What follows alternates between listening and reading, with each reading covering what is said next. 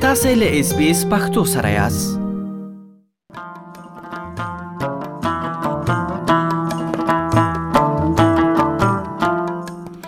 په استرالیا کې د ماشومان حقونه د ماشومان د حقونو په اړه د ملګرو ملتونو کنوانسیون د بشري حقوقو یو نړیوال تړون دی چې د بشري حقوقو تړون په نوم هم یادېږي کوم ځانګړی حقونه چې ماشومان او ځوانان یې ادعا کولای شي هغه ټول په ګوته کوي د استرالیا په ګډون د نړۍ نږدې هر هیواد کنوینسیون ته ژمن دی او دا د بشري حقوقو تر ټولو پراخه ملاتړ شوی تړون جوړوي دا ونه مو تاسو ته د ماشومان حقوقو ته کتنه کړې ده چې ماشومان په استرالیا کې کوم حقونه لري او دا څنګه د استرالیا د قوانینو لاره ساتل کیږي بشپړ رپورت واورئ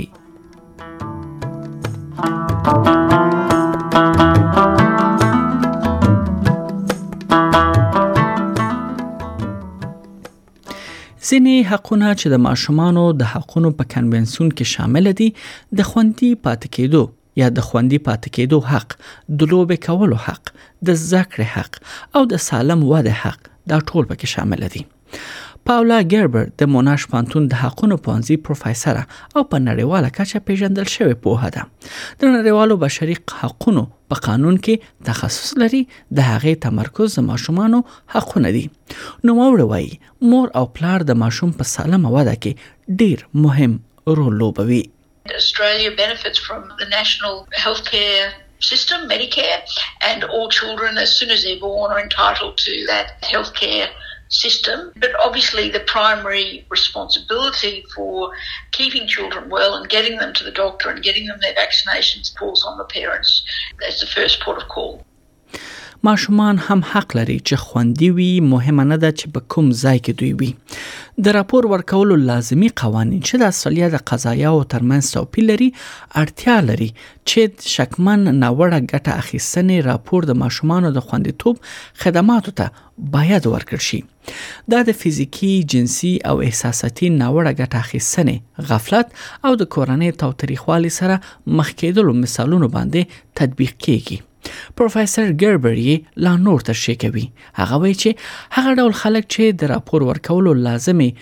یعنی مسولیت لري هغه ډاکټران دي نرسان دي ښوونکي پولیس او هغه خلک دي چې په مذهبي سازمانونو کې دوی کار کوي The law imposes what's called mandatory reporting obligations on a number of professionals so that if they have reason to believe that a child is being subjected to violence or abuse or even neglect, then they must report that to Child Protection Services, which falls within the Government Department of Human Services. And the sort of people who have that mandatory reporting obligation are doctors, nurses, teachers, police, people who work in religious organisations مانا دا چې ډاکټران، نرسان، ښوونکي، پولیس او هغه خلک چې په مذهبي سازمانونو کې کار کوي دوی لازمي ده دوی ته که چیرې دوی چیرې سرغړونه وګوري د ماشومان پر وړاندې نو هغه باید مربوطه ادارو ته یې راپور ورکړي پروفیسور ګربر وایي چې په استرالیا کې ښوونځي د شپږو او ولس کلونو ترمنځ ماشومان لپاره لازمي دي مانا دا چې خلک باید ښوونځي ته خپل ماشومان ولېږي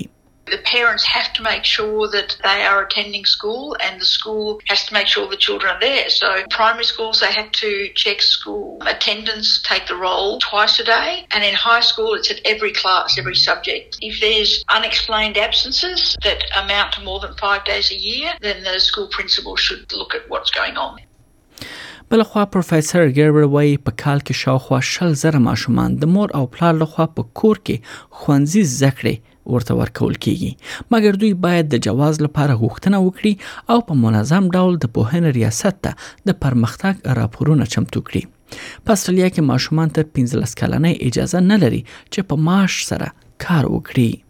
We have very clear laws about children being used in a work environment, and the law says that the age at which a child can enter into labour practices is 15 years old. There are certain exceptions like delivering newspapers or, or working in the entertainment sector because obviously there are movies and theatre productions that have children in them. د 15 او 13 کلونو ترمنځ یو ماشوم نشي کولای د ښوونځي په موده کې په ورځ کې له دریو ساعتونو یا په اونۍ کې له 12 ساعتونو څخه ډیر کار وکړي د ښوونځي د رخصتیو په جریان کې دا په ورځ کې شپږ ساعته یا په اونۍ کې ډیر ساعته وي په استرالیا کې د واده قانوني عمر 13 دی پروفیسور ګیربر دا تشریح کوي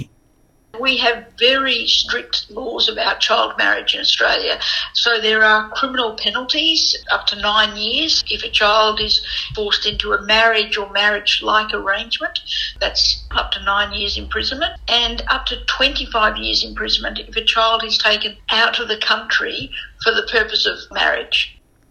یعنی یو ماشوم که چیرې جبري شکل سره له هیواده یا له استرالیا څخه بهر وبیسل شي که هغه استرالیا وي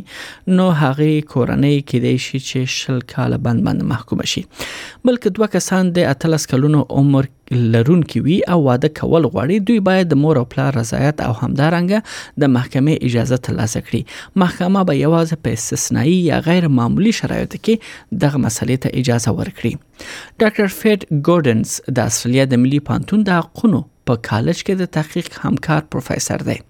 نو موري وایي استرالیا په 1990 کال کې د ملګرو ملتونو د ماشومان د حقونو کنوانسیون لاسلیک کړی دی خو قوانین یې لسیمه په سیمه بدلیږي معنی دا چې بیلابیل ډول سره پلي کیږي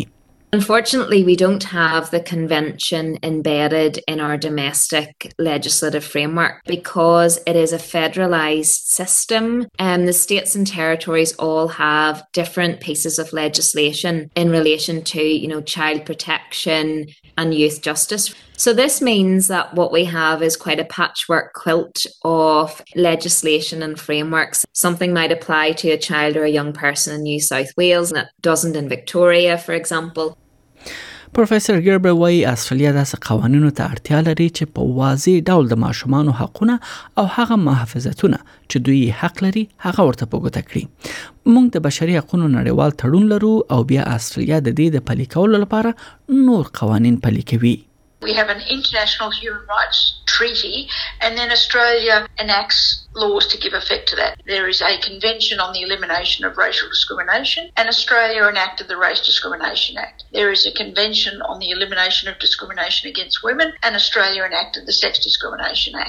There's a convention on the rights of the child. There isn't a Children's Rights Act in Australia.